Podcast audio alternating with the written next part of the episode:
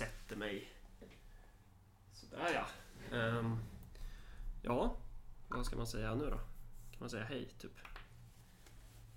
Ja, idag är det den 21. Idag är 21 det december. är årets mörkaste dag är det.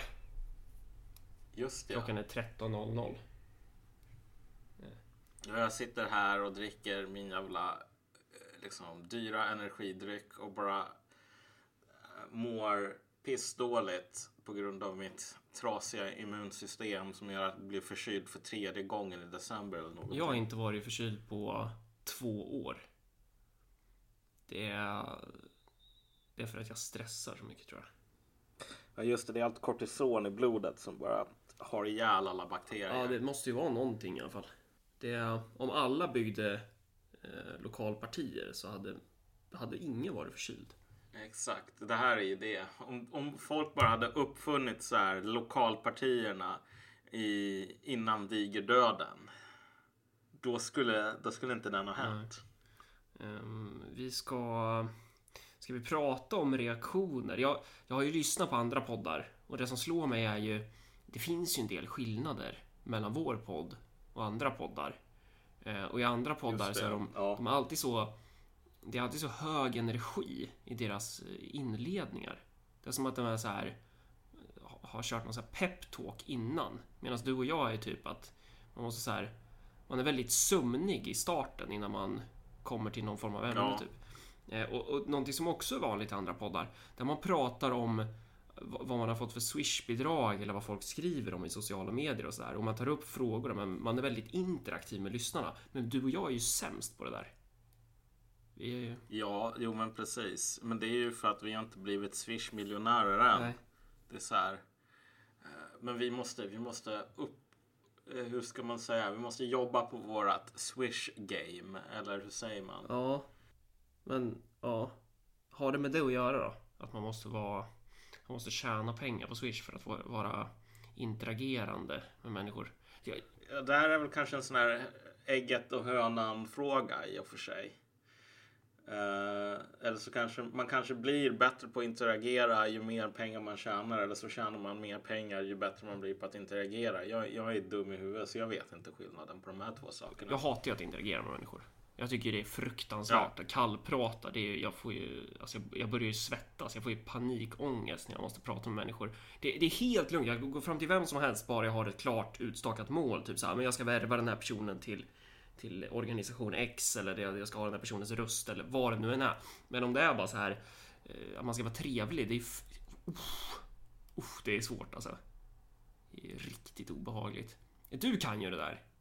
Du är ju så här späckad som The Diplomat, typ. Just det, ja men precis. Nej, men någon måste vara tank och någon måste vara liksom Holy Paladin. Ja. Där, där måste vi ta upp, för det glömde vi i senaste avsnittet. Jag såg att i, i kommentarsfältet till den här när du var med i Navid Modiri eh, i eh, här Modiris eh, Youtube-kanal. Hur kan vi, vad var det hette? Hur kan vi prata om identitetspolitik, typ? Ja. Eh, Ni pratar väl om lite mer än så, tror jag. Men då så i kommentarsfältet så var det någon som sa att Malcolm garanterat spelar hård. Och det där gjorde ju att jag, jag tog väldigt illa upp alltså. Ja, nej, alltså det där är ju det där är fake news. Ja, Till 100 procent. Alltså jag spelar Human Warlock och Dwarven Paladin och det är de två grejerna som är eh, det är de enda två klasserna som spelar roll. fast det stämmer ju inte nu. För du sa ju att du spelade shaman nu när du spelar Wrath of the Lich King igen. Ja, ja, ja, men det gör jag inte nu längre. Men Okej, det, det, var, det, var, det var en break som jag tog. Men alltså det är Human Paladin, eh, eller vad säger jag? Human Warlock och Dwarven Paladin. Det är de två bästa rasklasskombinationerna. Jag har ju alltid bara spelat dvärgar. Ja. Alltså bara dvärgar. Eh, primärt Protection Warrior som, som Dwarf. Så man, kan, så man kan binda sin Stoneform till när man skriker Stoneform. Eh, men sen så, vid något skede i en WoW-spelares liv så händer det att någon idiot i eh, liksom WoW-kompiskretsen bara får för sig att man måste migrera över till Horde. Och sen så manipulerar den här personen i sin tur alla andra människor och ser till så att de håller sig isolerade så att de inte kan snacka ihop sig om att han har med sig hela gänget på att man ska migrera över till den andra factionen. Eh, så då slutar det med att man helt plötsligt är hård. Och det är ju så alliansen typ har dött i World of Warcraft. För att det är någon jävel i varje gäng som bara lurar folk att migrera över det, till det, är den här dolkstötslegenden här. Ja. Fast i MMO-form. Jag har varit med om samma sak och det är helt sjukt. Ja. Och jag blir så jävla irriterad därför att så här, jag har levlat en, en hård karaktär typ en gång till 70 eller 80. Medans så här, jag kan alla jävla quests i Wetlands och liknande i sömnen. Jag Ja, kan, exakt. typ, jag, kan, jag kan questa som Alliance i sömnen och så är det alltid någon som bara ah, men vet du vad, vi borde köra hård för att det är så jävla mycket ballare. Jag bara, nej, fuck you. Inte alls Jag, ballare. jag spelar ju hård nu i Bat- Battle for Azeroth. Men... Eh, ja. Jag vill ju inte spela hård utan jag är tvingad till att göra det. Fast nu, nu kan jag inte spela överhuvudtaget för min stationära dator har kraschat. Så jag sitter på min Elgiganten flygmaskins låtande lilla mackapär. Ja, du borde Yes. ta och ta alla de här enorma pengarna som du får nu när du är kommunpolitiker och köpa världens sån här Alienware gaming-dator. Ja, jag får ju vänta med det tills jag får. Jag Ja, just det. Du får ju nu, faktiskt så- inte ens pengar. Det är ju det som Nej. är det tråkiga. Ehm, Men det är ju så. Det är så systemet ser ut. Att alla andra kommunalråd får sitt arvode men inte Örebropartiet. Men det, det och det är bara på grund av någon sån här random budgetgrej. Det finns ingenting som går att göra åt det. Utan det är så reglerna ser ut. Bla bla bla. Sådär. Vi, lå, vi låter den saken vara okommenterad. Eh, men det, vi, vi skulle ju försöka nu prata om eh, reaktioner. Nu har vi varit lite interagerande här med människor Ja. och, och förklarat att en gång för alla så här liksom som, som Annie Lööf uttrycker det, alliansen som gäller. Det är verkligen den som gäller. I hennes fall så kanske hon mer är med The Horde numera. Men eh, ja, eh, det är ju väldigt många som tycker om våran podcast. Det är väldigt kul att se. Ehm, att, att så här, vi får väldigt mycket cred från, eh, från folk som har vitt skilda politiska eh, starting points eller vad man ska säga. Ja, exakt. Nej, men du vet, när jag var ute och drack öl med en polare så kom det fram en person och bara sa, nej men vet du vad, det ni håller på med, aldrig någonsin att mina så här målarkompisar på bygget liksom skulle se det här annat än akademiskt bullshit. Och jag bara, okej, tack för att den, den, tack för det påpekandet. Det var så här, intresseklubben antecknar. Men eh, men överlag så finns det ändå lite av en poäng här därför att det är ganska kul att ha en podcast och ja, liksom rent generellt. Det är ganska kul att skriva och prata och så vidare och ha en publik som inte är de närmaste sörjande bara. Men grejen är den, det är ju också fel. Alltså det, det stämde ju mer i början att då var det kanske mer så här. Ja, men en viss typ av människor som lyssnar på den här podden. Men det känns nu som att vi börjar nå väldigt många olika människor, inklusive personer som faktiskt gör någon form av produktiv eh, funktion i ekonomin. Jo, jo, Eh, men... jag, men vet, jag vet ju en lastbilschaffis här i, i Örebro som även har gett sig in i Örebropartiet som vill strypa oss för att vi är så sega med att släppa avsnitt liksom. Jo, okej, men du talar om lastbilschaffisar. Men jag talar om, du vet, de här riktiga arbetarna som bla bla bla. Alltså, det är ju också den här livs, arbetaristiska livsstilismen. Så, den sortens typer. Visst, okej. Det är människor som lägger ner lika mycket tid på att inte vara akademiker som akademiker lägger ner på att vara akademiker ungefär. Ehm, och, och det är ju skönt på något plan att komma bort från dem också. Om du förstår vad jag menar. Ja, jo. Ehm, Men eh, ja, trevligt att folk uppskattar våran podcast. Det är, någonstans tycker jag att det är lite sjukt också att folk tycker att det är en bra podd. Men eh, du, du har ju fortfarande inte lyssnat på vår podd, eller hur? Så det är ju... Eh, nej, det var ett tag sedan faktiskt. Jag håller inte på att lyssna på mig själv prata. Jag pratar för mycket för att ha tid med det. Men, men vi hade faktiskt tänkt att prata den här gången om någonting som faktiskt en lyssnare eh, har bett om. Fast vi, nu ska vi inte vara så att vi... Det där stämmer ju inte heller. Vi tänkte ju prata om det här innan vi... Eller ja, i och för sig. Ja, du, du har ju, det är rätt i sak det du säger. Men Ja, är ja. inte på grund av att den lyssnaren har bett oss Alltså, prata du, om det här du, du hade inte behövt avslöja det här att vi är Nej. de här avlägsna olympiska gudarna som inte bryr sig om vanliga dödligare. Dödliga. Utan jag påpekade bara att det här är någonting som en lyssnare har bett om som vi gör. Ja, ja. Och vi kunde ha satt punkt där istället för att förstöra allting, Marcus. Men hur som helst. eh, vi ska prata om det här med det här senaste dramat med projekt hållbarhet eller vad det nu heter. Den här så kallade Ekerögruppen. Ja. Som har varit massor med drama nu i media kring. Eller i alternativmedia har det varit drama. Ja, och jag tror att... Jag vet inte hur många som känner till den här grejen. Alltså, I en viss filterbubbla så vet väl alla att det här är the shit, typ. Och alla pratar om det. Och alla har någon slags relation till det. Eh, Men det är då alltså eh, sajten Ledarsidorna där jag och du eh, har haft en del krönikor publicerade. Eh, Som har, den drivs av Johan Westerholm. Som eh, har publicerat ett, eh, ja, men en artikelserie om typ ett middagssällskap som pratar om hur de ska kuppa kommuner och grejer. Och nu har det här lett till en Ja, det är väldigt infekterade konflikter om man säger så. För jag, jag satt ju bara där och såg hur det här publicerades och scrollade igenom där och tyckte ja, men det här, det här verkar intressant typ. Och sen bara ser man hur hur folk bara börjar sätta efter varann och det blir så här riktigt Ja. obehagliga personangrepp och den ena kukar ur efter den andra typ. Eh, Ja, och det man kan alltså, säga om, om det här rent personliga är att varken du eller jag har ju något med det där att göra utan vi sitter ju bara här och bara ser ser allting hända typ. Alltså det, ju mer man ser av det här desto mindre vill man liksom tänka på det. Det är ju en total jävla dumpster fire allting. Och jag måste ändå säga, alltså publiceringen av den vinkel som man valde, vilket är att det här är alt höger, bla bla bla, kolla. Alt höger, Pepe. Det var ju helt idiotiskt. Eh, och sen så kom ju jättehård moteld ganska snabbt om om massor med anklagelser som flög som var lika beklämmande och skämmiga. Men vi hade inte tänkt att tala om just den här, alltså alla de här personerna som håller på att brottas i den här jävla geggan. Nej, precis. Vi, vi kommer ju prata mer om det här fenomenet att det är ett middagssällskap från typ övre medelklassen eh, som har börjat prata om Ja, det är ju så jä- jag är så jävla dålig på att introducera grejer. Alltså, hela grejen är då att är middags... Eller i och för sig, jag sa ju att de skulle ta över kommuner. Det sa jag. Ja, men det är liksom så här ganska rika människor så. Människor som har det gött i samhället som har träffats då och då och börjat prata om att de ska ta över kommuner typ. Och det, det som är intressant i sammanhangen är ju inte det specifika sällskapet eller typ hur publiceringen är gjord eller sånt där. Och där, jag känner väl bara, jag skulle vilja ha mer detaljer innan man går in mer på någonting mer specifikt typ eller kan säga bu eller bä.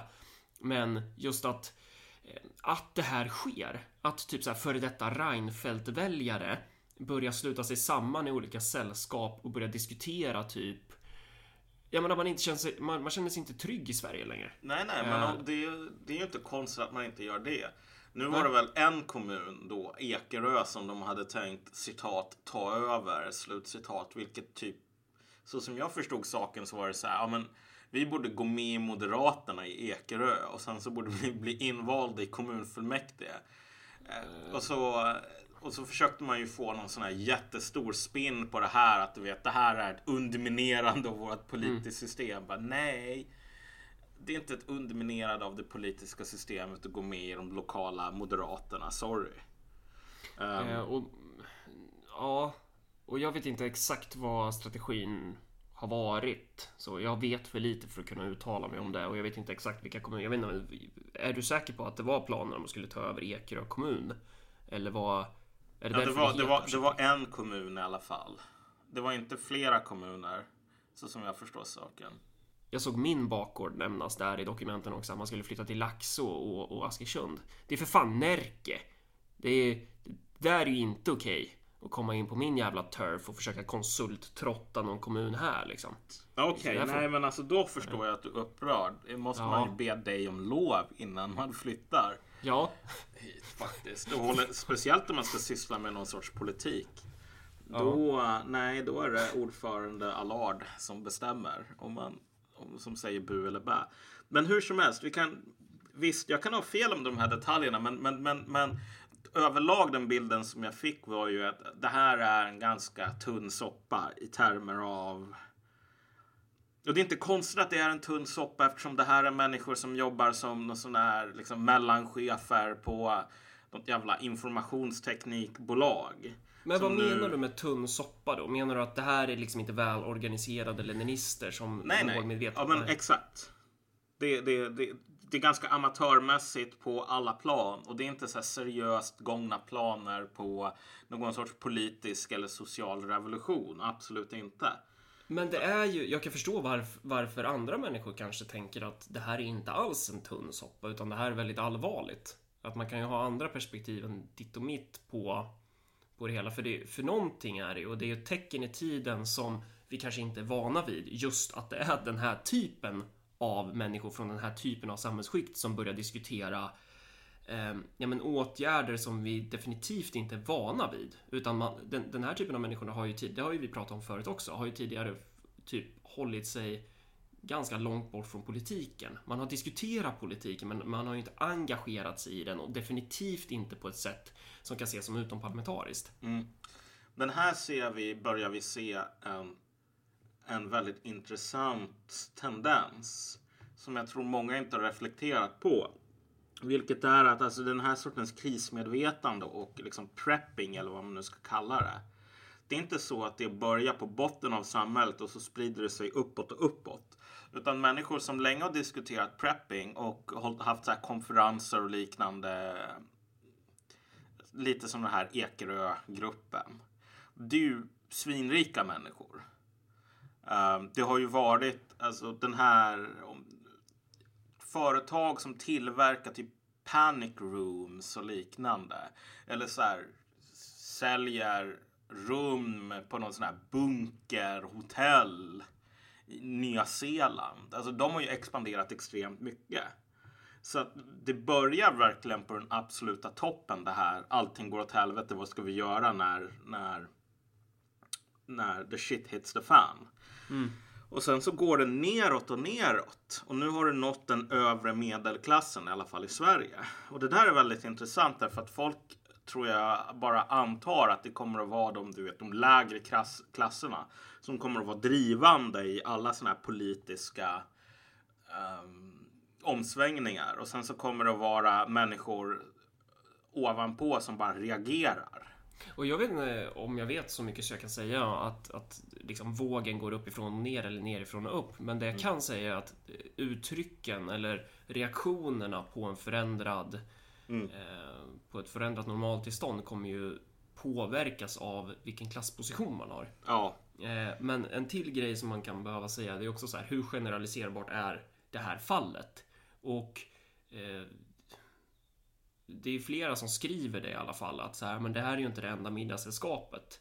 Ja, eh. Som, som, som, diskuterar det här. Och sen kan man ju också så här, vilken typ av växlar ska man dra på det här? Är det här plan, en plan för en statskupp eller är det liksom fyllesnack eh, hos eh, medelklassmänniskor typ? Men det som är intressant är att det överhuvudtaget diskuteras, för det tror jag är ett nytt fenomen och det tror jag sker på fler håll än bara den här gruppen som, som nämns i, det här, i den här artikelserien. Typ.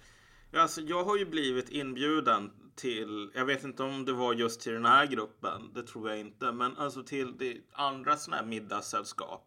Och då har ju premissen varit att det är så här, saker och ting håller på att gå fel.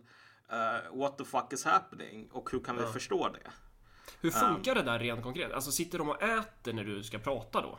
Alltså jag, har, jag var sjuk den här första datumet så jag, jag kunde inte gå då. Ja. Uh, men Nej, fatta vad, alltså, fatta vad provocerande alltså, om folk sitter och äter när man pratar. Ja, det är Jävlar. provocerande för dig i alla fall. Men det, ja, nej, men det, det tror jag. Nej, det, det, är det väl inte. Utan det är väl en middag plus så här, diskussion före eller efter middagen. Um, men saken är bara den att alltså, sådana här middagssällskap, det är ingenting nytt historiskt. Det finns massor med exempel från 1800-talet till exempel som vi inte behöver gå in på här. Men det är inte en ny modell, men det som slog mig och som jag kommenterade till han som bjöd in mig så här, mm. gången in, innan den senaste gången jag blev inbjuden. Det var ju att det är så extremt fascinerande att, att du och dina polare har tagit det här initiativet utan order från någon sån här kommandobunker någonstans. Därför att mm. vi, vi börjar leva i en tid där den här spontana politiska organiseringen faktiskt kommer. Um, och de tiderna är ofta präglad av massor med kriser. Liksom. Det, mm. det, är ett första steg att sådana här middagssällskap dyker upp. Och det var ett helt annat sällskap än de som nu... Ja, uh, ja. det var det. Men, men så här. Folk har inte känt det behovet förut. Och det har inte varit konstigt. Jag menar idag i Sverige så har du en poliskår som mer eller mindre säger så här. "Ah, sorry, vi hissar vit flagg. Det här, vi kan inte göra någonting. Du vet Dan Eliasson, må han vila i frid, som bara hjälp oss, hjälp oss. Okej, men vem är det som ska hjälpa dig? Den här jävla fotbollsmamman i, i, i, i liksom Danderyd. Vad ska hon göra? Ska hon ta sin Sig Sauer hon har hemma och börja liksom jaga efter buset? Här, Vadå vila i fred? Han, är ju, han lever ju. ja, än så länge. Ja. Inshallah. Men, eh, inshallah, okej. Men, eh, ja. Så det, alltså täcker det tiden om vilken typ av människor är det här det handlar om? Eh, då har vi markerat det, typ. Mm. Alltså, just nu så rör det ju sig väldigt mycket om så här, folk i medelklassen. Därför att det här är människor som på många sätt och vis har politiskt inflytande och är vana vid att inte bli trampade på. Det här är det som är nice med folk i underklassen. Att de kan ändå ta ganska mycket skit. Och de gör det historiskt också innan de börjar röra på sig. Sen när de väl börjar röra arbetarklassen då, eller vad menar du liksom? Un- Jag menar så här, arbetare, ehm, liksom fattiga dagarbetare, bönder, liknande. Det är så här, Ja. De är vana vid att bli trampade på historiskt. Och det, det innebär att de blir trampade på ganska hård, rejält ganska hårdhänt ett bra tag. Och sen börjar konsekvenserna komma. Medan Men den här typen av, av medelklass eller mellanskikt eller vad man ska kalla det. Alltså övre skikt, klasskikt. De, de, när du säger att de har ett politiskt inflytande så har de väl ett... Alltså för det vi har haft i Sverige är väl typ att de här har haft ett politiskt inflytande men det har skett typ indirekt. Ja. Att de har haft personer som levererar till dem. Exakt. Utan att de egentligen ska behöva göra annat än att bara gå till jobbet. Ja. Men de också, de som är av olika anledningar väldigt beroende på att alltså, systemet funkar. De är beroende av ett mer komplext... Ja men hela deras existens bygger ju i mångt och mycket på en viss form av välfärd, Ja. välfärdsstat eller transferering. Eh, Och det där ska man ju komma ihåg att välfärdsstaten är ju inte bara till för de fattigaste utan det är ju definitivt till för klasser vars existens Alltså, de skulle inte finnas om det inte fanns en viss transferering från det offentliga. Exakt, exakt. Och jag menar, och det där är också en av de sakerna som har hänt med välfärdsstaten. Att alltså, mer och mer av dessa resurser har gått till... ehm, Sitter du och dricker någonting nu eller vad är det Ja, jag, jag dricker min jävla energidryck. Sorry. Ja. Ja, men det som har hänt med välfärdsstaten som man måste hålla koll på här också. Är ju att över tid så har det ju mer och mer av dess resurser gått till olika subventioner för just medelklassen. Jag menar ränteavdraget kostar enormt med pengar.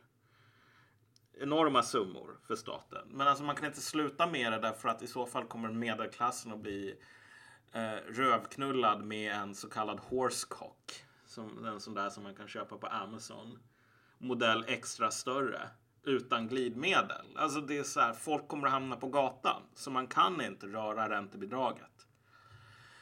Ehm, och det där har ju hänt mer och mer. Så det är inte konstigt att det är såna här människor som är de som är lite grann kanariefågeln i gruvan. Ja, och någonstans har väl knegare i det här landet har väl pekat, påpekat det här ganska länge. Att så här, ja, men saker går åt helvete. Men de är mer vana. Det, ja, det, det är olika reaktioner på det och det ter sig i olika uttryck. Varför har inte de här personerna gått in i typ något existerande? Varför går de inte in i SD? Är väl en eh, klyschig frågeställning. Ja, nej men alltså. Och nu är det väldigt mycket så spekulerande från min sida. Men jag tror att eh, en av de sakerna som nog kan nu, hända. nu pratar vi inte om den här gruppen specifikt. Vi, värt att notera. Utan vi pratar om det här fenomenet liksom att ö, rikare människor, människor som har haft det jävligt gött och som än så länge har det jävligt gött, börjar fatta att eh, allting har ett slut. Även historiens slut Mm. har ett slut. Men alltså om vi bara tar en sån här lite historiskt tillbakablick och inte då till medborgargarden specifikt utan bara hur så här politiska omställningar funkar. Så är det här är inte det som händer varje gång men det är verkligen det, det, det vanligaste. Det är att du har människor, alltså arbetare, den klassen som så att säga utgör soldaterna som utgör musklerna i, i, i den här revolutionen eller vad det nu kan vara. Men det är nästan alltid så att de som leder och koordinerar och liksom puffar de här människorna i rätt riktning är folk från medelklassen eller liksom bourgeoisien, så här, lä- eh, advokater, på, på 1700-talet slut. Alltså, och det som jag är lite... Den tanken som jag just komma att tänka på här. Det är ju bara att möjligtvis så börjar vi se förstadierna till någonting liknande. Möjligtvis var det så att den här situationen som vi haft i Sverige som alla fattar är totalt ohållbar. Att vi har haft det här missnöjet som har legat och pyrt på botten ungefär. Men att för att det ska verkligen gå från att vara inert till att bli explosivt så tror jag att det kanske kommer att behövas alltså, hur ska man kalla det? Nå, nå så här elektriska impulser, ledarskap slash massor med rabble rousing från den här som sortens är, människor. Mellanskiktet som revolutionärt subjekt. Ja, exakt. Du... Mellanskiktet som, inte som revolutionärt subjekt, därför att det revolutionära subjektet kommer att vara liksom det stora folkflertalet. Men jag tror att det kommer nog att behövas det har behövts många gånger att liksom mellanskiktet har varit en, del, en aktiv del i att pusha folk mm. under dem framför sig på något plan. Ofta av ganska själviska skäl. För att bevaka intressena för mellanskiktet. Men, men så här. Men än så länge, alltså många har ju klagat på det. Varför händer ingenting i Sverige? Varför händer ingenting i Sverige? Så här. Varför är det så att den här brottsligheten går upp, upp, upp, upp, upp och, och ingenting görs? Och jag börjar ställa mig frågan om inte det där kommer att ändras jävligt snabbt sekunden som det här blir mer utbrett än vad det är idag. Det är ju som att spänna en pilbåge. Ja. Att man drar den så långt man bara kan. Och man i slutet så kommer det är ju Det är ju jobbigt att spänna den där strängen de där sista liksom millimetrarna. Om man verkligen ska spänna den till max. Men när man släpper den då, ja, då blir det ju åka av. För jag menar, men, men, men och nu, vi... Nu håller vi på att spänna den här samhälleliga båg, bågsträngen ja. för, för någon, eventuellt. Och för att återvända lite grann till den här sortens middagssällskap och folk som du vet köper pumphagel, tar jägarexamen för att skydda sig själva och sånt där. Det är väl det som är intressant med det är ju själva organisationsmodellen för det. Mm. Eh, och sen är ju frågan så här, hur medveten är den och hur länge har man tänkt att behålla den? Men eh, du och jag har väl någon slags eh, hur ska jag uttrycka det? Kommunistisk diagnos som tycker så här att men, för typ partiet. man ska ha partier liksom. Men det här är ju små organisationsmodeller och var, varför tyr man sig till den här lilla gruppen? Varför tyr man sig till det lilla? Var, varför varför blir lösningen individuell snarare än samhällelig? Ja, och jag tror att alltså det, det är för att folk är idag ganska okunniga historiskt och så har de väldigt lite ställen att vända sig till för att få någon sorts inspiration eller kompassriktning. Annat än till Hollywood. Och Hollywood är inte så jävla bra eh, för att hjälpa folk att agera politiskt. Så här, hör och häpna.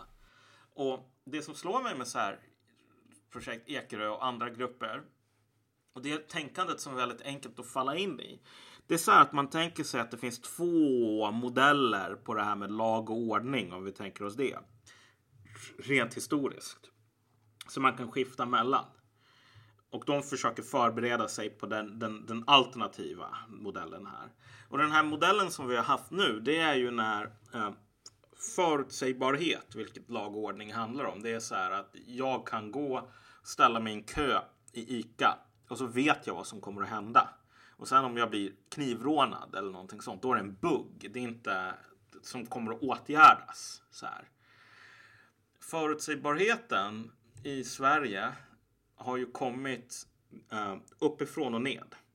Mm. Genom att det finns poliser, att det finns Kronofogden, allting sånt där. Alltså myndigheter, centraliserade sådana, som så att säga tvingar folk att agera enligt gemensamma regler därför att annars åker man i finkan. Mm. Och det här är det som är, det här är ingen ny uppfinning utan alltså, imperier, komplexa samhällen, de tar all den här makten och håller på med rättsskipning från byar och liknande och sätter den i sina egna händer. Ja, det är ju statens grundläggande funktion. Exakt. Eh, och den andra modellen det är väl typ om man skulle ha det nerifrån och upp då.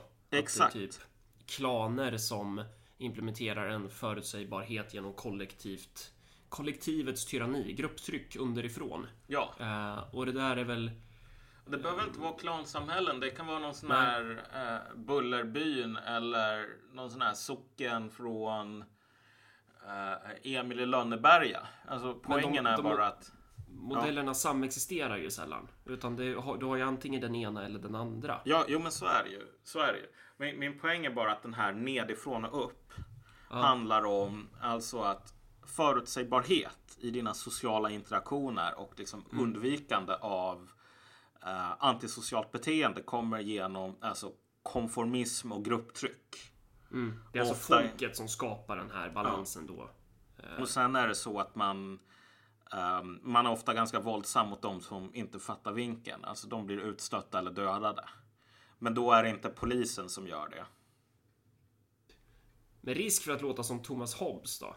Att, att eh, naturtillståndet är alltså lynchningen. Ja, exakt. Alltså, och lynchningen är inte bevis på att det inte finns någon sån här, alltså att all, den sociala väven har brutit samman, utan det är så här. Hos flockdjur så är lynchningen eller den, den, den kollektiva avrättningen eller utstötningen alltså eh, ungefär som vita blodkroppar i, i, i, i, i, i människans kropp. Det är en kontrollmekanism för att se till så att det som inte hör hemma som kan skada organismen åker ut. Men de här sällskapen organiserar ju inte för varken sig modell 1 eller modell 2. Utan de organiserar sig för en tredje modell, eller hur? Exakt. Alltså, och det här är ju lite grann Hollywoods problem och typ liberalismens begränsade fantasi. Därför att vad man tänker sig här är att okej, vi har haft det här. Vi har haft poliser man kan ringa och nu kan man inte ringa till dem längre. Så den, den här första modellen där... Alltså det är ju inte helt kollapsat. Det går ju, men... men, men det, det, Mm. ja, det blir värre och Samhälls- värre för varje ja, år. Samhällskontraktet har ju fått sig en törn. Ja. Det är ju... eh, Man, man minns ju för fem år sedan när man blev utesluten ur Vänsterpartiet. Nu handlar det om mer grejer om bara det här jävla RF-dravlet. Men, men eh, då, jag vet inte riktigt vad jag sa, men jag sa väl någonting i stil med typ att så här, ja men om inte polisen finns där för en, då kanske RF gör det. Eh, och, och, ju, och ju längre tiden går ehm, så kan man ju ställa sig frågan så här, ja men Kommer polisen finnas där för alla i Sverige? Mm. Alltså då, det gäller ju fler än bara så här pubertala radikala ung vänsterfjantar utan alltså eh, det finns ju inte ens kvar för den delen men men poängen kvarstår ju att om inte staten finns där då kommer någon annan aktör axla ansvaret eh, att vara eh, Leviatan. Ja, jag kommer ihåg de där diskussionerna. För det var ju folk som bara sa Mm. alltså de här är ju psykiskt störda. Vadå menar de att polisen inte skulle lösa alla problem så här? Ja. Menar de att du, du skulle kunna bli utsatt för våld och sen så skulle du ha någon så här anledningar till varför du inte kunde lita på att polisen skulle lösa det här åt dig som inte var paranoia? Bara, det här är helt sjukt. Alltså jag skulle ge ganska mycket pengar för att ha en, sån här åter... ehm, en repris av hela den här grejen idag. Därför att jag tror att reaktionerna från alltså, den bekväma medelklassen skulle bli ganska annorlunda på att typ någon sa ehm, ja men vet du vad, i vissa fall så kanske man inte kan lita på polisen och då, fin- då är det väl bra att det finns andra människor så här. Och, och där ser vi vad mycket spännande som kan hända under loppet av en femårsplan. Ja, men exakt. Men, men, men för att återgå till den här poängen bara. Alltså att vad folk tror, många skulle jag säga, det är att när du förlorar den här fungerande polis, förutsägbarhet från ovan. Det som du får är ett samhälle som präglas av noll förutsägbarhet. Och det är liksom zombiefilmer, det är Mad Max. För om du tänker dig så här, premissen i alla zombiefilmer så är det ungefär att ja, men katastrofen har kommit, 95% av alla människor har dött. Och du ska vara på den här motorvägen och slanga bensin. Och när du gör det, då kommer det så här massor med människor med Kalashnikov som börjar skjuta på dig därför att, alltså, liksom, why not? Så här. De vill sno dina tofflor eller något sånt. Och det, och det verkar inte finnas i deras huvuden att så här, 95% av mänskligheten har dött. Det finns ganska många tofflor om man letar i garderoben i så här tomma hus. Nej men precis, Utan- idén om, om samhällets sammanbrott är ju människor blir onda typ helt plötsligt. Exakt. När det har hänt. Det finns inte, de här människorna, banditerna har inget materiellt intresse. Alltså de, de, de har typ inget intresse som klass utan de vill bara döda folk. Ja men exakt. Och man tror att det här är, det här är liksom en realistisk bild av hur saker och ting funkar. Men alltså de tider som det har funnits massor med banditer i Europa eller Mesopotamien. Det har ju varit tider där det har funnits så här organiserade samhällen som av olika anledningar har producerat mer och mer av en överskottsbefolkning. Um, alltså att det är massor med bönder som sätts i konkurs. Så får de sina jordbruk konfiskerade för att de inte har råd, haft råd att betala av lånen. De människorna blir banditer.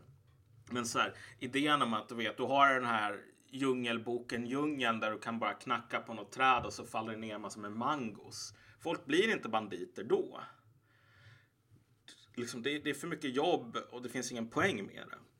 Men, men, men, men saken med det här med noll förutsägbarhet, alltså den här drömmen om Mad Max bygger ju på en ganska konstig syn på människan, vilket är att alltså, våran vilja att ha ett samhälle där jag kan typ gå ner och köpa en jävla Nocco eller en Red Bull utan att och vara ganska säker på att det inte är någonting som kommer att hända utan det kommer att vara som alla andra gånger jag gått ner till affären.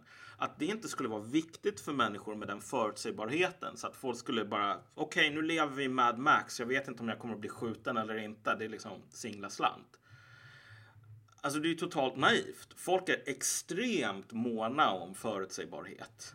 Vilket betyder att de är beredda att göra vad som helst. Vad som helst för att få det tillbaka som de förlorade. Men det där är intressant med Sverige överlag. Att så här, vi, vi, vi går ju in i... Jag tycker oss bevittna den starka statens antites på ganska många plan nu. Eh, för att i Sverige så har vi haft en jävligt stark centralstat under lång tid. Alltså vi är marinerade i staten. Så att det är så här att när vi föreställer oss naturtillståndet då är de perspektiven färgade av vår, av vår historiskt specifika position, alltså av, av vår samtid. Eh, så när vi tänker sammanbrott Alltså så här, jag tror inte vi förstår att individen så som, in, så som vi förstår individen är ju helt beroende av att det finns ett stark, starkt våld från statlig sida som kan garantera att grannklanen inte kommer att rånbögmörda dig när du Jo, ska men- försöka leka individ i naturtillståndet. Ja, Eh, och, och det är väl lite därför som, som det blir sån intressant det här ska också sägas kanske att så här, de här middagssällskapen kanske inte alls utgår från de här eh, antagandena som vi antar att de har. Eh, Men skitsamma, vi pratar om det i alla fall. Eh, För vi tycker oss ana en sån tendens. Och inte bara i de här middagssällskapen utan den här tendensen fanns också i, i svensk vänster. När man pratar om hur saker skulle gå åt helvete och man pratar om så här vad det nu kan vara. Så det, det, det- känns som att det är någonting som ligger i samhällsideologin lite oavsett vad man tycker om man själv står. ja, Eh, Men, men jag, tror att, jag tror att vi är påverkade av ehm, att vi har haft en stark stat i Sverige och det är ju på många sätt det som gör oss till svenskar. Alltså hela vår kultur är ju uppkopplad till den svenska staten och, och vice versa. Det finns ju en växelverkan där. Ehm, och det gör väl också att det finns en förväntan och det finns intressen av att staten ska lösa de här problemen. Det är därför man tycker det, det blir ju så konstigt när staten inte gör det. ja. Men, och, och reaktionerna när man ska försöka, okej men nu måste vi göra någonting. De blir, Ja. alltså, de blir missbildade i, i, liksom, Ja. i någon po- politisk historisk bemärkelse här. Precis, det, blir, det är därför det blir en antites. För att det blir, det blir på något sätt att det är inte så här, men sta, de statliga institutionerna går åt helvete, samhället går åt helvete, då måste vi bygga bättre samhälleliga funktioner. Utan reaktionen blir typ att jaha, därför ska vi gå ifrån de samhälleliga institutionerna och försöka pröva någon slags, eh, jag vet inte vad, libertarianism eller något Jo, sånt men, där. ja men exakt. Och det här, du sätter fingret på någonting viktigt här. Det är så här, om du tänker dig någon sån här random zombiefilm igen. Du har de här människorna, vaknar upp, det är massor med zombies. Vad gör de? De letar efter köpcentra. Och sen så, du vet, barrikaderar de det här köpcentrat och så kommer det banditer eller zombies eller båda två och så ska de försvara sitt köpcentra. Det här gänget. Och så du vet, det, någon har blivit biten men döljer det här och bla bla bla. Liksom bara massor med jävla persondrama. Men det här är individer. Det här är individer, kommer från ett samhälle som skapar individer därför att finns inga klaner och så vidare. All, all, allt det som klaner sysslar med. har liksom staten monopoliserat.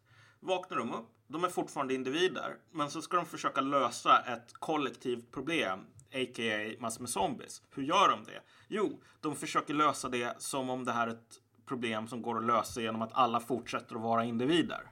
Precis, de här produkter, alltså de är individer just tack vare att staten har existerat. Och desto starkare staten har varit, desto mer individer kan de vara. Ja. Men när man abstraherar dem från en stark stat och bara droppar dem i den här zombieapokalypsen då där staten inte finns. Så försöker de vara skitindividualistiska ändå. Ja, och det är bara så här att, alltså, och det är det som är grejen. Den här dikotomin, antingen så har vi poliser eller så har vi människor som du vet, barrikaderar ett köpcentra mot banditer.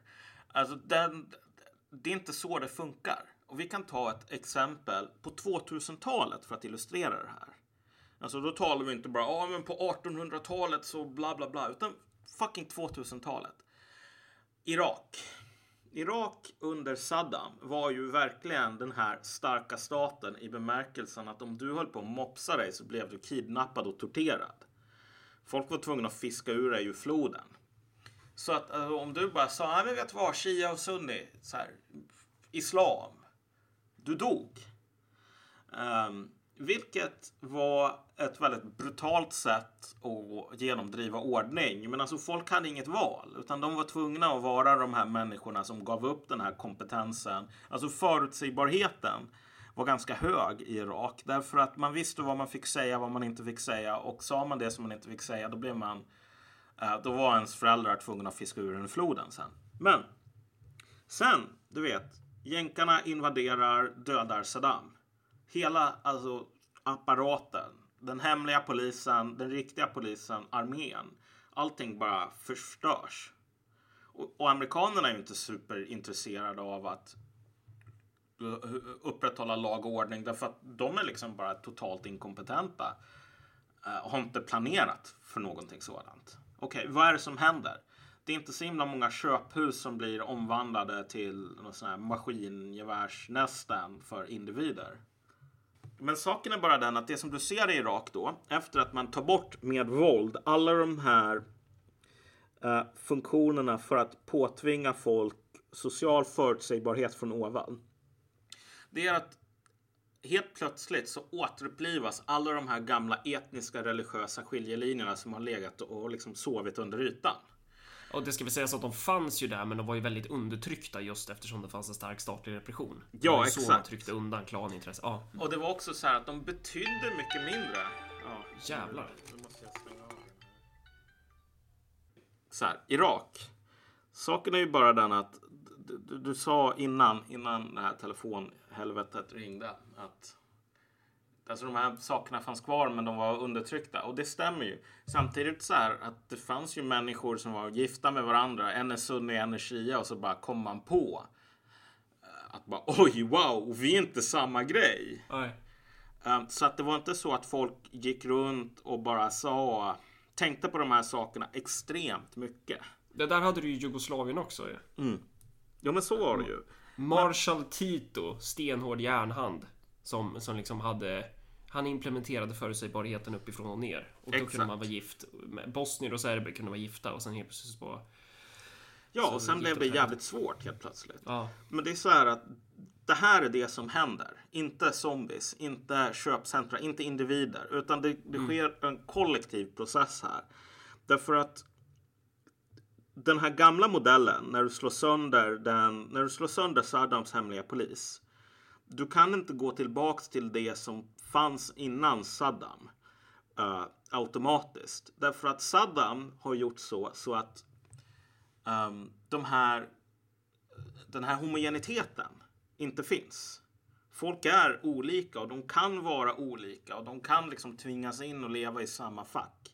Därför att de gör det med våld och för att alltså, rättsskipningsmekanismen är beroende av att det finns poliser, inte beroende av att det finns en konformism. Um, så att du står där lite grann mellan två världar. Men det som händer då är ju för att återskapa den här eh, sortens sociala förutsägbarhet som inte kräver poliser. Då måste du se till så att alla människor som är ganska olika blir lika. Och de som inte är lika, de måste man flytta på eller slå ihjäl. Vilket är också varför att efter att Saddam faller så sker en jättestor så här, omritning av kartan i Bagdad. Liksom vem som bor på vilka områden. Um, det sker så här massor med rockader, folk blir utkastade från vissa kvarter. Jättemycket så här etniskt våld och liknande. Och vi uppe i Norden sa ju då bara oga boga människor som håller på att slå varandra. Varför kan de inte vara som vi svenskar? Men mm. så här, det finns en metod bakom allt det här etniska rensningarna. Och det är att när du har rensat klart då är dina grannar sådana så att de behöver inte polisen för att hålla tätt. Nej, det finns en förutsägbarhet. Alla vet. Alla är med på samma first principles på något sätt. Ja, och då är det också så att du kan. Det, det är så få som inte är med på dem så att du mm. kan slå ihjäl de som du vet, den här kusinen eller grannen som fortfarande inte har fattat vinkeln. Och du kommer att få hjälp med att slå ihjäl honom. För att alla, alla är överens om att så här, okej, okay, man får en chans och två chanser och så vidare, men man måste passa in. Så det fria valet vi har är alltså då statlig kollektivism som möjliggör någon form av individuella uttryck eller en eh, typ klanbaserad kollektivism underifrån. Det är kollektivism uppifrån eller nerifrån. Ja. Det är det som man har att välja på i princip. Här, för, att, för att kunna garantera en förutsägbarhet.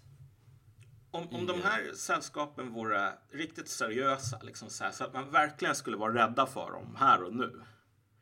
Alltså i Sverige. Då skulle det vara människor som bara, vet du vad? Muqtada al-Sadr. Uh, han är fan en person som hade lite koll på hur, hur det går till i, i såna här samhällen som, som, som du vet. Uh, han och hans följeslagare. De är bra Vad är det för på... Då? Va? Vem, vem är det då? Informera en oupplyst, uh, intolerant människa här som inte han, kan... Han är ju... Jag har inte så super koll på hans... Muktara al-Sadr. Muktada al-Sadr. Alltså det finns ju ett område i Bagdad som heter Sadr City. Okej. Okay. Uh, eh, Kollar upp så här på Wikipedia nu. Det, det, det hette förut Al-Tavra. Men alltså så här. Mm. Det är uppkallat efter Ayatollah Mohammed Mohammed Sadek Al-Sadr. Okay, då hade jag helt fel. Då? Uh, ja, det är han väl. Ska vi se. Ja, det är han. Ja. Uh, och, och, saken är bara den att alltså. Grejen med, med, med, min poäng är bara så här att en person som bara sa att ja men vet du vad, alltså det här med sekterism. Det här med att du vet, rensa ut folk som inte ser ut som jag eller som eller utseende spelar inte så stor roll utan det är mer så här, som inte är som vi. Eh, och, och styra upp en sån här privat armé som klarar av att göra det. Och bara, ja men vad, vad, vilka pitfalls finns det här? Vad är det man bör tänka på? Vi måste studera människor som hållit på med det här tidigare. Eh, det skulle vara riktigt liksom eh, uppseendeväckande och värt att följa närmare. Därför att det är den sortens processer som, som, som vi går mot. Vi går inte mot Mad Max. Uh, vi går, alltså, att hålla kurser i att såga fast spikplattor på sin Volvo V70. Och nu överdriver jag, men, men så här. Du fattar mm. poängen. Alltså att ja. hålla kurser i att försöka klara sig som individ. Um, som ska skydda sina nära och kära med så här vapenmakt. I Sverige där polisen har totalt kollapsat om tio år. Det är inte, det är inte, det är inte hjälpsamt. Det är inte hjälpsamt. Det, det, det skulle inte ha varit hjälpsamt om du försökte ordna sådana kurser i Irak för en 20 år sedan. Ja, men vet du vad? Jänkarna kommer att invadera. Uh, staten kommer att falla sönder. Vad gör vi? Okej, okay, vi ska lära oss att skydda oss själva i några så här små medborgargarden. Bara, nej. Men det är ju det som blir så tragiskt om man ska använda den verktygslådan som erbjuds av svensk höger. För mm. att den är ju så... Fan, man, vad får man för pengarna? Alltså, vad är det för typ av verktyg man får där? Då, då får man ju det här bara, men referensramen är amerikanska Hollywoodfilmer. Det är sjukt amerikaniserat perspektiv på sammanbrott överhuvudtaget. Ja. Eh, att, och en till grej, alltså nu pratar vi om, om en tendens som vi tycker märka av i... Det kan ju vara så här att vi är helt ute och cyklar, men vi låter tvärsäkra. Men så här, ja, du lyssnar på Marcus och Malcolm, men eh, de här människorna som inte har råd med det här. De här människorna som inte är en del av den här övre medelklassen och den här tendensen som vi tycker oss märka av. Um, vanliga jävla knegare, så här, städare. Alltså... Jag tror att klasspositionen kommer ha en påverkan på hur man ser på hur, hur man anpassar sig efter en ny normalitet. Mm. Ehm, det här med att man på något sätt Varför Ja Varför organiserar man inte bredare? Varför organiserar man inte mer kollektivt? Varför tänker man inte så här, bara, men vad finns det för krafter som eller det kanske säger sig själv, för att man gör inte analysen att saker brakar samman för att staten brakar samman utan analys eller lösningen blir individuell och det kanske är ganska logiskt att man bara tar sig till de som är närmast. Ja, men och den individuella lösningen är värdelös. Alltså den är, den är totalt en återvändsgränd. Det är så här av två skäl. För det första att det inte funkar. För det andra, du får ingen makt på det. Alltså, det är inte nog med att att det är irrelevant att det inte gör någonting. Men alltså det, är, det finns en opportunity cost. Att du kunde göra någonting som faktiskt skulle kunna uh, ge dig inflytande och faktiskt kunna bygga något så här politiskt. Om man ska uttrycka sig på högerspråk. Om man ställer upp ett så här nationalekonomiskt diagram mm. typ. Så brukar man ju räkna på att profiten är en aria. Mm. Där, kommer jag inte ihåg riktigt. Men, men här missar man ju en väldigt stor aria av, hur ska man uttrycka det? Revolutionär potential om man pissar på eh, ja, men folkflertalet. Och man, man tänker sig att så här, men det viktiga nu är att skydda sin familj. Alltså, det smarta borde väl vara att försöka organisera eh, på ett bredare plan då. Och då inte bara tänka så här, men man ska ta över kommuner, utan då handlar det väl om att bygga nya politiska partier, typ. Men nu, nu, det här är ju jättedålig kritik av det här på något sätt. Ja, men... nej men visst. Men alltså problemet i, i kärnan är bara att alltså, man har inte det rätta sorts tänkande. Alltså man, man kan bara se det här individer som ska gå ihop som individer och organisera saker. Men, men det är inte det som är, det är inte där skon klämmer. Um, utan i slutändan, jag tror vad vi går emot i Sverige är återigen med liksom provisor för att det här, visst det finns jättestora skillnader mellan Sverige och Irak eller Sverige och Ryssland och bla bla bla. Det ena med det fjärde. Så här. Vi har två saker att välja på i mänsklighetens historia och det är eh, social förutsägbarhet och social förutsägbarhet. Eh, det, det är de valen som finns alltså. Du kan antingen ha förutsägbarhet från ovan eller förutsägbarhet från botten. Men du kommer att ha förutsägbarhet. Folk är beredda att ha ihjäl hundratusentals människor. Bara bam, bam, bam, bam. Jävla löpande bandslakt på sina grannar.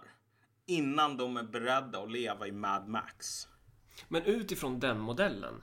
Eh, att du behöver förutsägbarhet och att du måste konsolidera ett demos, alltså ett vi, för att uppnå den här förutsägbarheten så, så kommer ju saker som inte bara klassposition utan även så här fenomen som etnisk rensning. Ja, det är ju precis vad du har pratat om, men om, om man tänker utifrån en svensk kontext typ.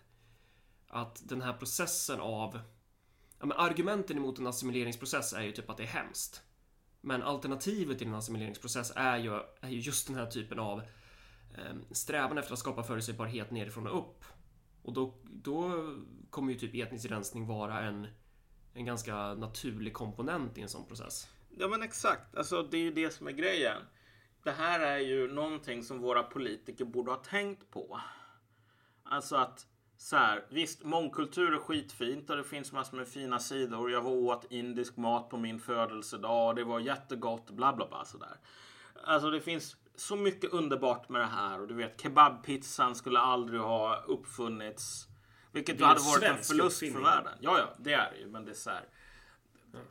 Svenskarna behövde inputs från de lägre raserna liksom, för att kebabpizzan skulle komma till stånd. Kebabpizzan är fan syntesen. Exakt. Jo, men, men det var, det var oga boga människorna behövde producera tes och antites. Liksom, ja. Pizza och kebab.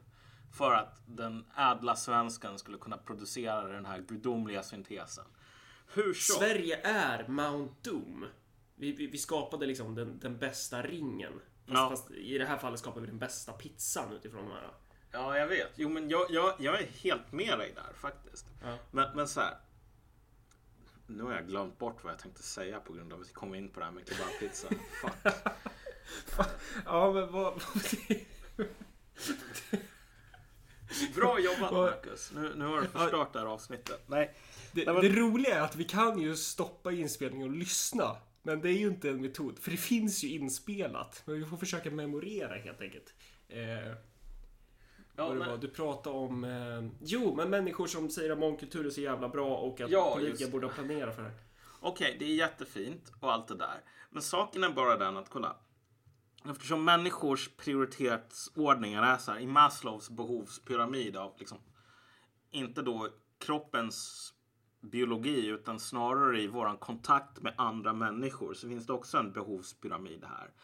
Eller behovsstege. Och så här, botten på det är förutsägbarhet. Jag måste kunna skaka hand med dig och veta att du vet vad det betyder att vi skakar hand. Om du är som du vet den här eh, rymdvarelsen i The Thing och din hand förvandlas till någon sån här tentakel med massor med munnar på som typ sväljer hela min arm.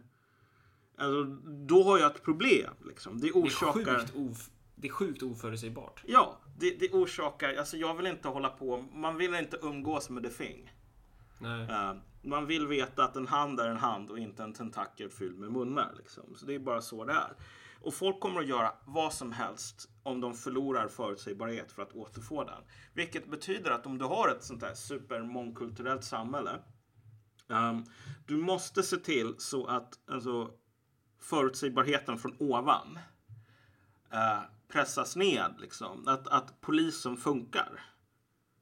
Du måste se till så att det maskineriet fungerar. Därför att om du inte gör det, då kommer folk att hamna i en situation där det är omöjligt för dem att få förutsägbarhet genom helt enkelt konformism.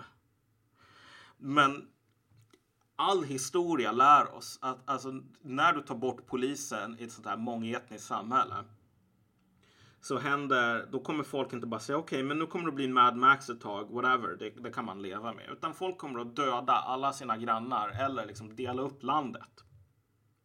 Tills den här konformismen är stark nog så att de kan få förutsägbarhet igen.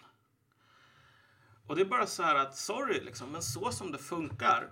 Du kan inte förvänta dig att någon i Ekerö och någon i Vivalla ska kunna har den här rättsskipningen, förutsägbarheten i sina interaktioner bara genom att de är lika nog eller på något sånt här. Du vet, vi är alla människor. Det går inte. Du kan förvänta dig att det, saker och ting ska funka om det finns poliser som klarar av att liksom tvinga folk att agera efter något gemensamt regelverk. Men det fungerar inte längre. Så våra politiker, de läste liksom inte innehållsförteckningen på det samhällsbygget som de gjorde. Lika lite som man läste innehållsförteckningen i så här Jugoslavien eller Österrike-Ungern. Så här, på den här bipacksedeln där det står biverkningar på att ha ett land där det är kroater, österrikare, italienare, norditalienare, syditalienare, liksom allt det där. Det är så här att okej, så fort du tappar kontrollen så kommer de här, alltså det som du har byggt upp kommer att falla ner i så här beståndsdelar. Mm. Och det där har vi snackat om. Vad, vad leker du med nu då? Ja, jag min- tappar en grej. Ja. Nej, Eh, men, det, ja, ja, men verkligen. Och, och det där har vi pratat om förut. Att så här, den här... Svensk historia är ju typ 600 år av kulturmord. Att, att bara det här att vi är, har varit väldigt homogena är ju liksom resultatet av att eh, typ svensk statsmakt har varit på det klara med att nej, men det ska bara finnas ett demos. Man har varit på det klara med det under ganska lång tid. Mm, jo, men så är det ju. Och innan, när vi satt och pratade innan så tog du upp någonting ganska intressant som verkligen har med det här att göra, även fast folk inte riktigt fattar det.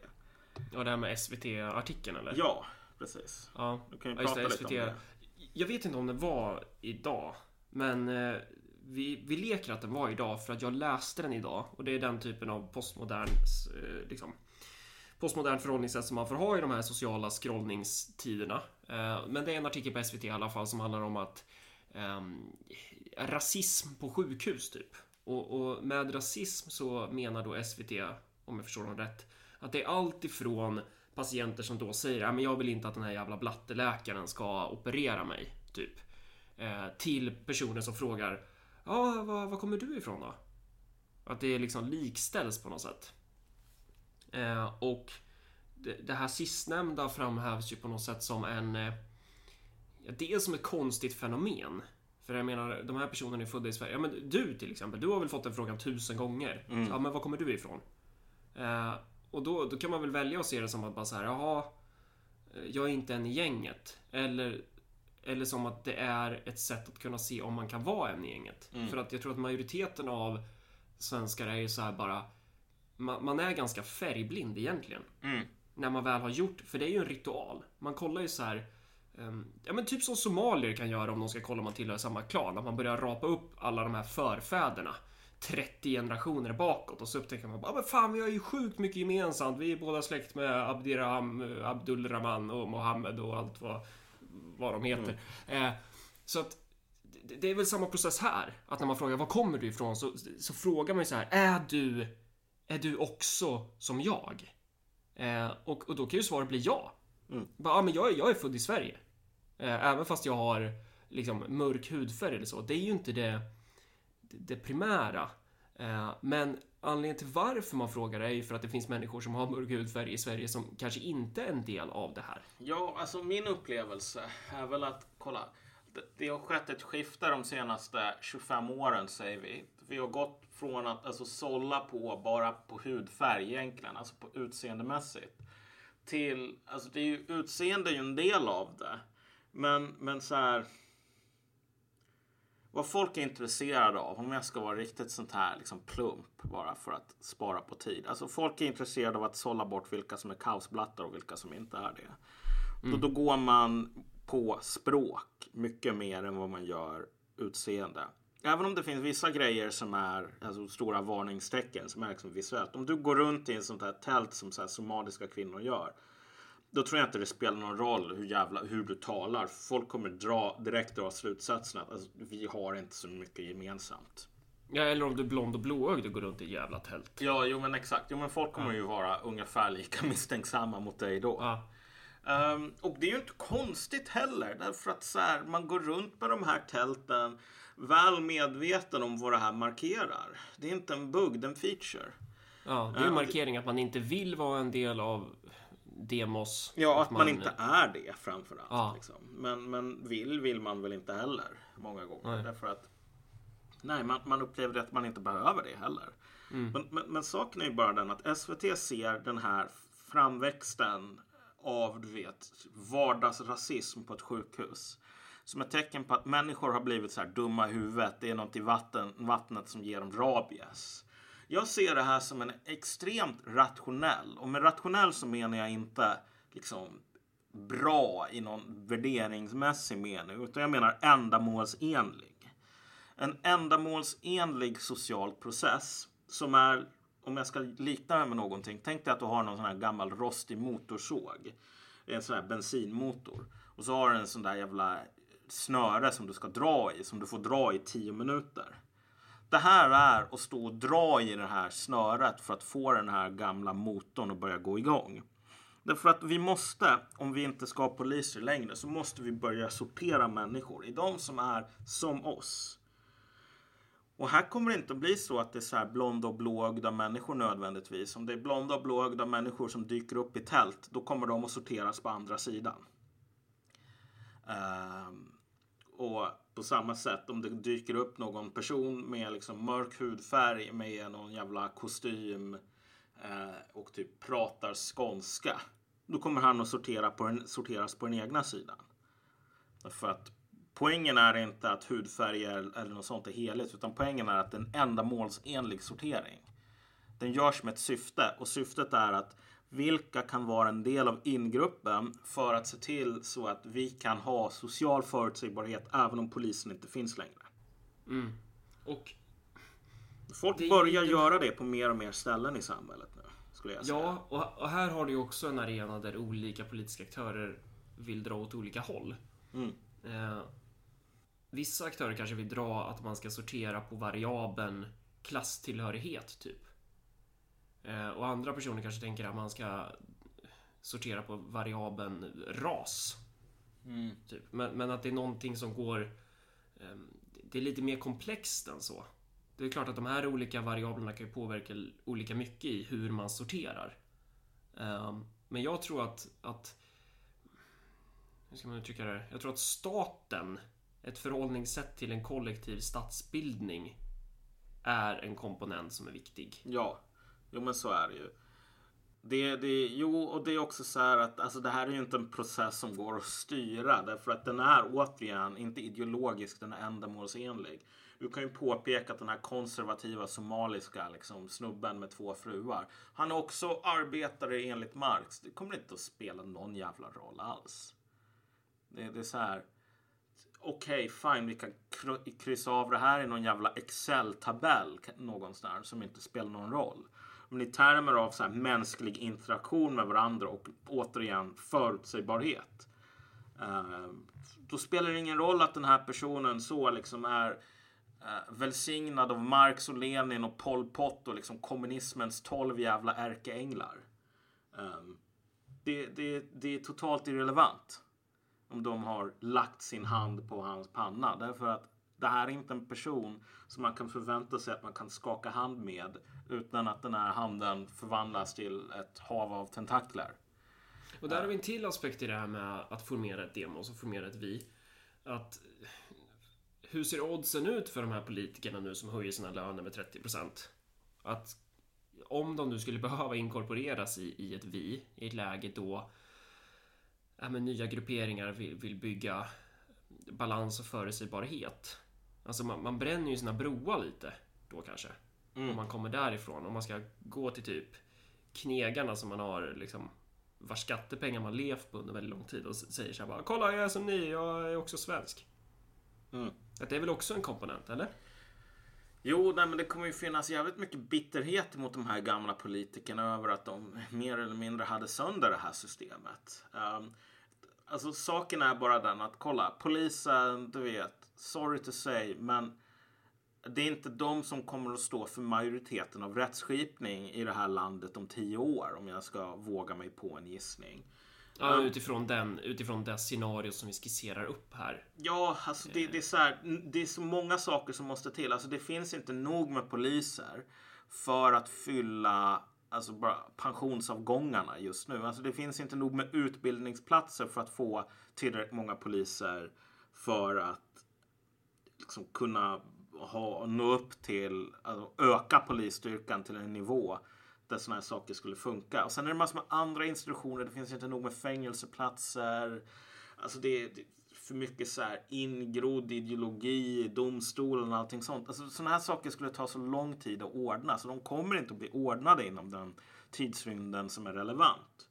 Utan det kommer att vara, nej men så här, det kommer inte att vara Mad Max. Utan vi kommer att gå tillbaks till precis som alla andra europeiska länder som har varit med om någonting någorlunda gemensamt, vilket är att du har ett multietniskt land eller statsformation där av olika anledningar korruption, dekadens, eh, eh, brist på pengar de som, de som sitter i toppen och håller ordning bara lämnar scenen.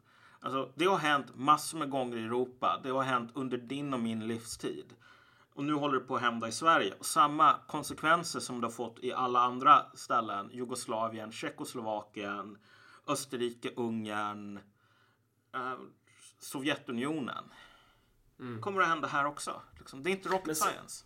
Men sä, säger du att det här kommer hända eller säger du att det här kan? Nej, det kommer nog att hända. Alltså som sagt, Ja. om, om saker och ting ändras så att du vet sossarna får skutan på rätt köl igen så här. Ja, men då behöver det inte hända och då kommer det inte hända för det finns ingen poäng med det. Men det är så här. Hur ska sossarna få den här skutan på rätt köl igen? Fan vad många för övrigt som har sagt att jag borde gå med i sossarna. Det är det. Det är fan... Ja. Jag tycker att jag borde gå in i sossarna. Sossarnas största fiende är ju sig själva alltså. Ja, Socialdemokratins största hinder det är ju Det är ju inte de kapitalistiska objektiva hindren för reformismen att kunna lyckas med det man tänker att den ska lyckas med. Men det är ju snarare det socialdemokratiska partiet som är det största hindret. Alltså, men, men så här, för att återknyta till det här Ekerö. Ja, jag menar, om jag hade varit någon sån här medelklassperson som var riktigt ambitiös. Ja, för det är det ju inte nu. Nej, nej, är du- absolut. Jag är inte medelklass. Jag är en riktig så här, du vet, knegare från Göteborg. Ja. Eh, Är det, är det din imitation av Göteborgsdialekten? ja, men käften. Jag vet att du är skitbra. Okej, kan inte du göra imitationen åt mig då? Ja, nu, nu kommer det ju bli fel va för det? Nej. Göteborg, ja men man pratar väl så här i Göteborg då? Är det inte så? Ja, okej. Du får säga, säg, jag är en sann knegare som vet hur det ser, ser ut bland proleterna.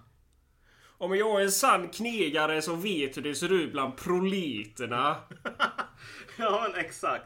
Tänk dig att jag, jag var liksom så mycket av en fake så jag kunde anvara den här sortens extremt proletära liksom, är framtoning. Men nu är jag inte ens det liksom. För jag, jag, jag, är en jävla liksom, jag är en jävla fraud. Men så här, om jag hade varit en ambitiös medelklass snubbe snarare än någon sån här, eh, du vet, en man av folket. Då, alltså det smarta vore ju inte att hålla på och planera hur man ska rädda sig, sig själv och sina liksom, tio andra familjer. Utan det smarta vore ju att komma in på ground floor på den här äh, äh, återgången till liksom, social förutsägbarhetsproduktion från liksom, botten och uppåt. Eh, man ska bli någon sån här Muqtada al-Sadr.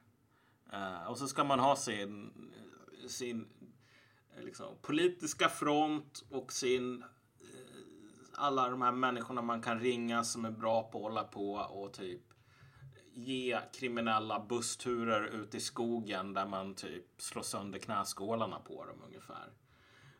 Och lämnar dem där. Och sen bara, nej men jag känner, jag vet inte, det här var säkert en kriminell uppgörelse eller något sånt får man låtsas.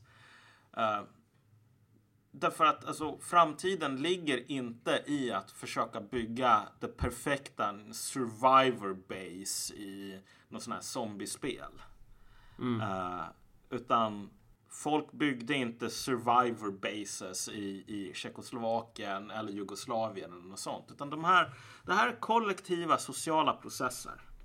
Mm. Politisk organisering alltså. Ja, exakt. Um, och förr eller senare så kommer vi nog att få folk som, som, som fattar det här. Men än så länge är vi fast i den här Hollywood-bilden av Sveriges framtid. Frågan är ju så, hur, hur hade det sett ut om om man hade kunnat diskutera de här eh, alltså den här typen av problematik tidigare i Sverige. Eh, om hade vi haft samma grad av mi- middagssällskap i övre medelklassen då? Hade vi haft samma grad av eh, ja, men, oro och, och, och sökande mot lösningar? Hade, hade det varit lika många eh, högermänniskor? Ha- Hade, hade vi varit alt-right högerns favoritpodd om, om man hade kunnat prata om eh, problem med invandringen tidigare? Nej, men, alltså, men det är verkligen så här beggars can't be choosers ungefär. Mm. Nu är det ju det tragiska med hela den här alltså, politiken som man har fört de senaste 40 åren. Du vet, ingen har läst bipacksedeln. Okej, du får de här fina pillerna som ska ge dig så här världens jävla orangutangstånd i liksom två timmar. Men du har inte läst bara att okej, det här kan leda till hjärtsvikt och död. Eh, och det är så här, ja, du vet, okej, vi fick kebabpizzan. Men eh, du måste göra vissa saker för att se till så att polisen och den här ordningen, förutsägbarheten från ovan håller. Därför att du kan inte ha en förutsägbarhet utan poliser utan att folk slår ihjäl varandra eller fördriver andra. Och det är bara så här att all, all historia som vi har som människor lär oss att det här är någonting som vanliga liksom, dagisfröknar är beredda att syssla med. Om det krävs. Ja, du, du tog ju ett konkret exempel där när vi pratade om det här innan vi skulle spela in. Eh, och då sa du att om man tittar på Enemy at... Vad heter den? Enemy at the Gates, heter den så? Ja, just Nej. den filmen. Nej, Nej, men den Nej, om nej, Stalin. Enemy at the Gates är om Sovjet, utan Behind Enemy Lines. Eh, ja, just det. Ja, för då är det någon NATO-soldat som droppas i eh, Jugoslavien. Ja, hans plan blir så- nedskjutet. Ja. Och så ska han Och ta sig all- tillbaks till amerikanerna. Och alla serber han träffar är... De, du sa det, att de, de är inte glada. De ler aldrig. De är ledsna. Eh, och sen så skickade du två exempel på jugoslavisk så här, pro, krigspropaganda typ. Och så sa du, kolla på dem. Titta vad glada de är. Det är bara gå in på Youtube och bara kolla på den här. Eh, sök på Mauser. Med, Med S. Z. Med S. Eller Med nej, med okej. Z. Precis. Ja, du, ja, eh, du, du har rätt som vanligt. Så här, då kommer du antagligen att få upp den här Garda Panteri Mauser. Som är Ja. en sån här eh, låt i genren turbofolk. Vilket är ett sjukt dumt namn. Men det är så här. Turbofolk är ju den här musikgenren som dök upp på Balkan. Och så är det så här piano och synt. Nej, inte piano utan dragspel och synt. Ja, det är ju... Dragspel är ju så fruktansvärt instrument. Fan vad vi ska förbjuda dragspel en vacker dag. Helvete. Dragspel, munspel och saxofon. Fy fan vad vidrigt instrument det är. Men, ja, men kolla på de videorna. Där har vi ju en dagisfröken. Ja, Eller ja, eller, eller inte fröken, men han, han var ju... Stämmer det här? Det är du som har sagt det till mig. Du, du får redogöra för det här helt enkelt. då ska vi se. Um, en sekund bara. För jag tror... Jag tror Mauser jobbade som lärare. Men det är... Då ska vi se. Uh, uh, uh. Nej, alltså fy fan.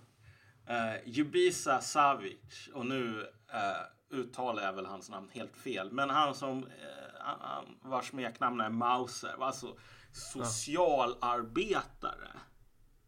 Innan han blev en så här frivillig eh, ledare för någon frivillig kår.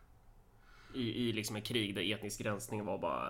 Det, det var det man gjorde. Ja men exakt. Och det, var så här, det, här, det här illustrerar en, en väldigt grundläggande poäng som folk inte tänker på. Det är så här, Och, människor... och sen efter det så, så gjorde han en musikvideo då. Så han blev Nej, han, han blev mördad av någon sån här knarklangare. Men hans, en av hans soldater är alltså den som sjunger den här låten om sin gamla eh, befälhavare som alltså började Ja. som socialarbetare som jobbade som det innan han blev militär.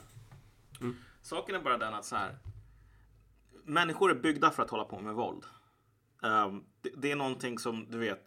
Det finns en designutrymme i våra hjärnor för att kunna hålla på med våld i grupp mot andra grupper. Ehm, och det är så här, det är ganska naturligt givet att alltså, vi bor, vi har inte alltid bott i så här industriella nationer där det har funnits poliser som sköter det här. Så att du behöver inte pusha folk så himla länge, långt för att de ska bli våldsamma. Lika lite som du behöver typ ha någon jävla, alltså du behöver aldrig sätta en bäver i någon sån här simskola. Du kan ta och bara kasta in den här bävern i en jävla sjö. Så kommer den att lära sig att simma på fem sekunder. Därför att bävrar är byggda för att simma.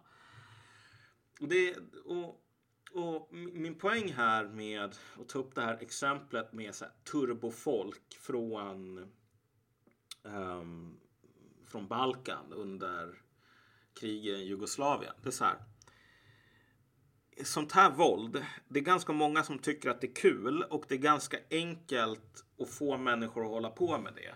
Och så här, nu har vi ändå ganska många tusen år av nedskriven historia och det här med liksom etniska rensningar, etniska konflikter, det är någonting ganska normalt. Det är någonting väldigt vanligt och anledningen till att det är väldigt vanligt, det är så här att um, det är väldigt enkelt att hamna i situationer där du inte kan förutspå andra människors beteenden och du inte kan få liksom förhindra antisocialt beteende. Och, men, och i Sverige är det ju väldigt tydligt, ta det här liksom gruppvåldtäkter mot, mot alltså, eh, 12-åringar. Ja.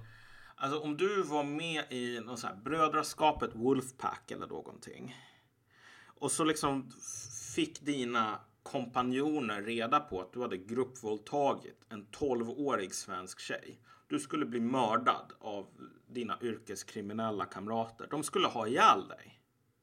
Du kan inte hålla på med de här sakerna. Alltså, toleransen för antisocialt beteende i eh, liksom Hells Angels är mycket, mycket mycket lägre än vad som krävs för att du ska kunna hålla på med rån mot så här, pensionärer eller något sånt och hålla på och misshandla pensionärer. Du, du får inte göra det, du blir ihjälslagen. Um, men nu har vi de här, den här sortens kriminalitet blir vanligare och vanligare och det är ju på grund av att alltså, de här möjligheterna att slå ihjäl sina egna för att förhindra antisocialt beteende har försvunnit. Därför att de som håller på och våldtar, typ svenska tjejer till exempel, de ser inte det som sina egna. Utan det är liksom, och då får man göra hur man vill. Och poängen här är bara så här att folk är beredda att gå hur långt som helst för att ha förutsägbarhet. Så här, om du säger, ja men vet du vad, Sverige det är så här, två miljoner invandrare. Man kan ju inte bara kasta ut 80 procent av dem och slå ihjäl dem som inte sticker. Liksom, det, är ju, det är ju inhumant. Alltså, om du säger det till mänskligheten eller till människor i Sverige, för människor i Sverige som människor är mest under ytan. Du vet, svaret kommer att bli Hold my fucking beer. Mm. Uh, när Indien skulle delas upp, eller det här, det som britterna hade tagit över. Vilket var massor med olika områden med sikher, med hinduer, med muslimer. Det funkade ganska bra så länge som indierna, eller så länge som britterna styrde. Det var bara massor med svält hela tiden på grund av att britterna var liksom monster. Men... Nej, men sånt där hände ju bara i kommunismen. Ja, just det. Ja, precis. Alltså den här stora svälten i Punjab, det var på grund av att Mao uh, höll på ja. att sprida massor med kommunistisk propaganda. Eller nej, det var på grund av Chavez, förlåt.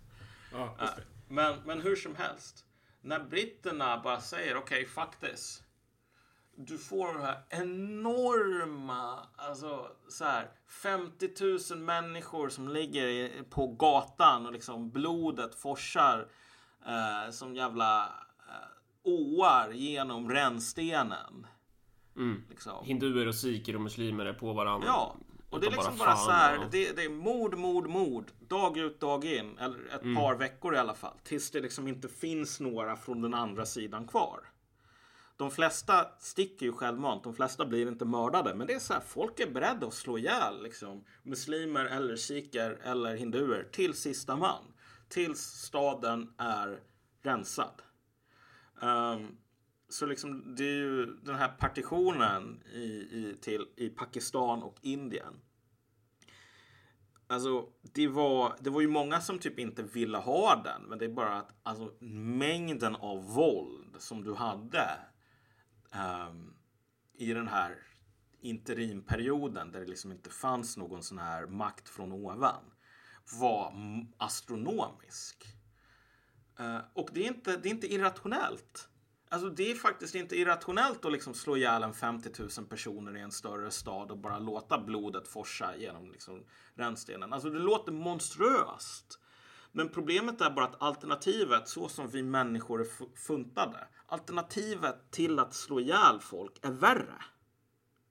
Att leva i Mad Max, att leva i en värld där inte, man vet inte typ om man kan skaka hand med människor utan att typ de knivar en eller något sånt. Det alternativet är så mycket värre, så mycket svårare att leva under och så mycket liksom orsakar så mycket psykisk ohälsa så att folk tycker att alltså mord är att föredra.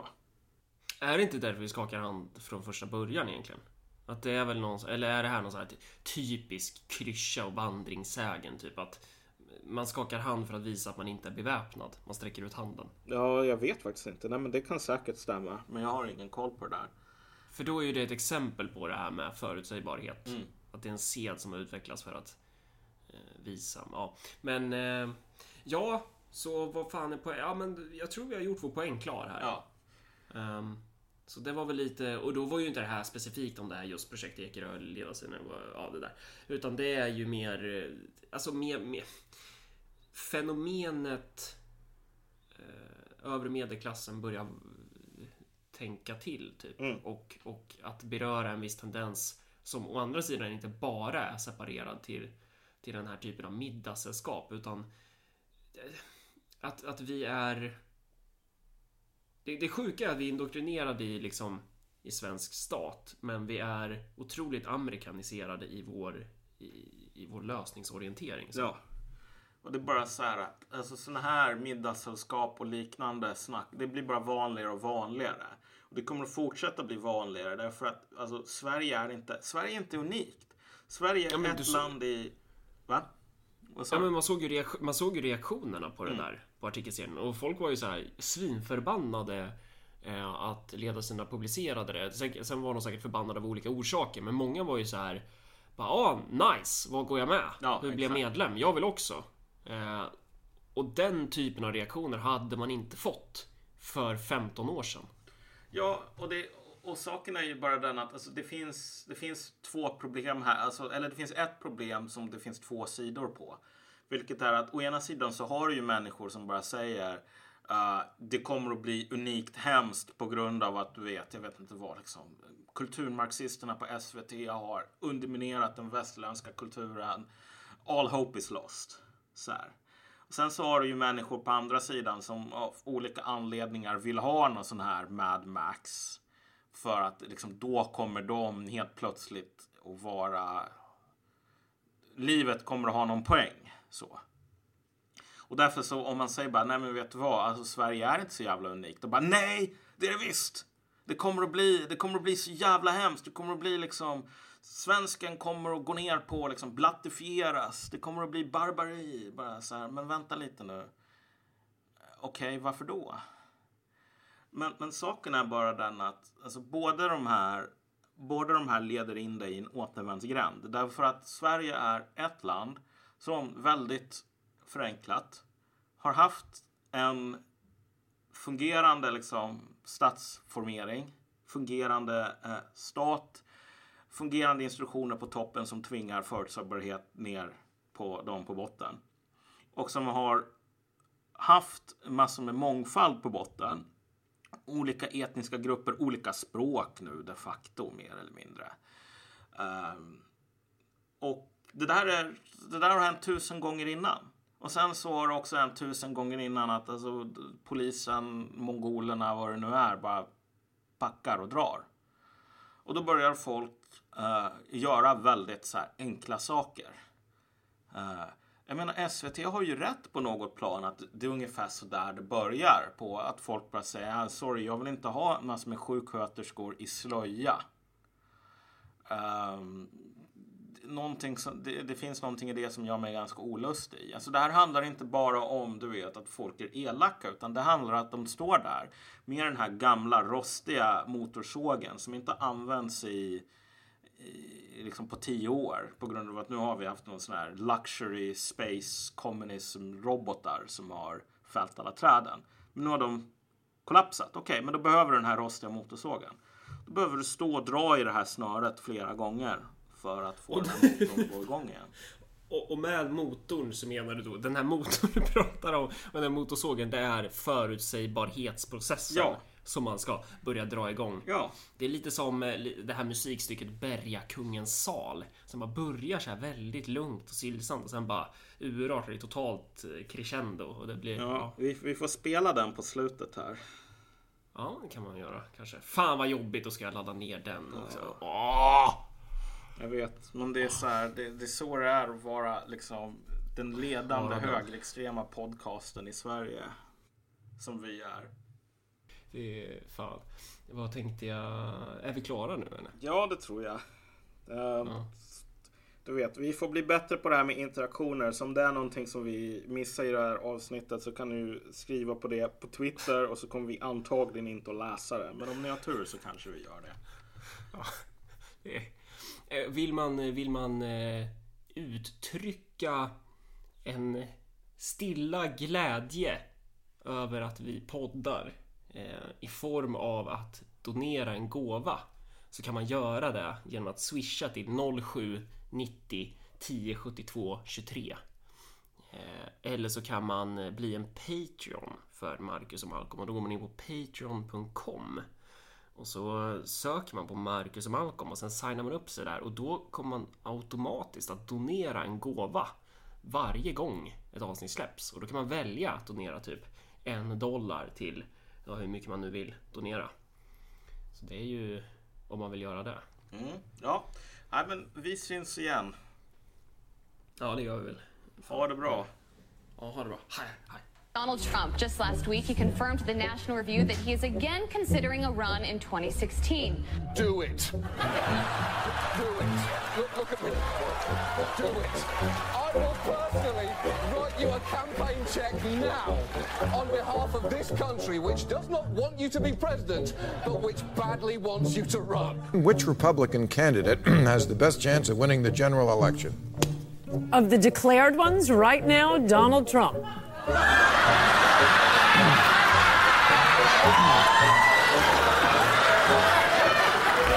President Obama will go down as perhaps the worst president in the history of the United States! Exclamation point at real Donald Trump. Well, at real Donald Trump, at least I will go down as a president.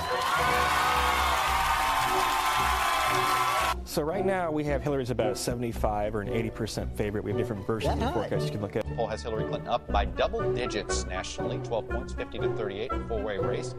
Clinton leading in Florida, Clinton leading in North Carolina, Clinton leading in Ohio, Clinton leading in Nevada. I could go on and on and on. Uh, I continue to believe Mr. Trump, Trump will not be president. And so, right now, Mr. Trump, to answer your call for political honesty, I just want to say you're not going to be president, all right? It's been fun. It's been great. I love you. But, but, but come on, come on, buddy. We have a major projection right now. Donald Trump will take Ohio. That CNN projects Donald Trump will carry the state of Florida. Huge win for Donald Trump. Donald Trump, uh, we project, will win in Kentucky, in Indiana, with its 11 electoral votes. West Virginia, Oklahoma, Tennessee, Mississippi, South Carolina, Alabama, North Dakota, uh, with its three electoral votes, and South Dakota, Texas, Arkansas, Louisiana the state of Montana, North Carolina, Georgia, Iowa, Utah, Wisconsin, Arizona, Kansas with its six electoral votes, Nebraska with its five electoral votes, and Wyoming with its three electoral votes. Sorry to keep you waiting, complicated business.